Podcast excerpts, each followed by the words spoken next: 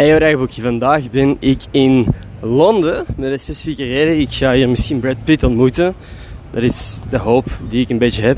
Ik weet niet hoe groot de kans is, maar ik ben hier op een première van zijn nieuwe film. Ik word niet betaald om hier te zijn of over, om erover te praten, maar ik ben uitgenodigd, dus ik ben fucking hyped. Ik mag straks dus naar een première waar uh, letterlijk geen andere Belg aanwezig zal zijn.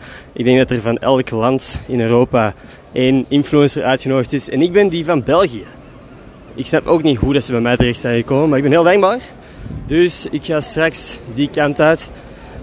En ik ben nog aan het twijfelen, wat zeg ik tegen een gast als Brad Pitt als ik hem ontmoet? Zeg je er iets tegen? Is het gewoon lief knikken? Is het die gast niet te veel storen? Of ben ik allemaal aan het overthinken?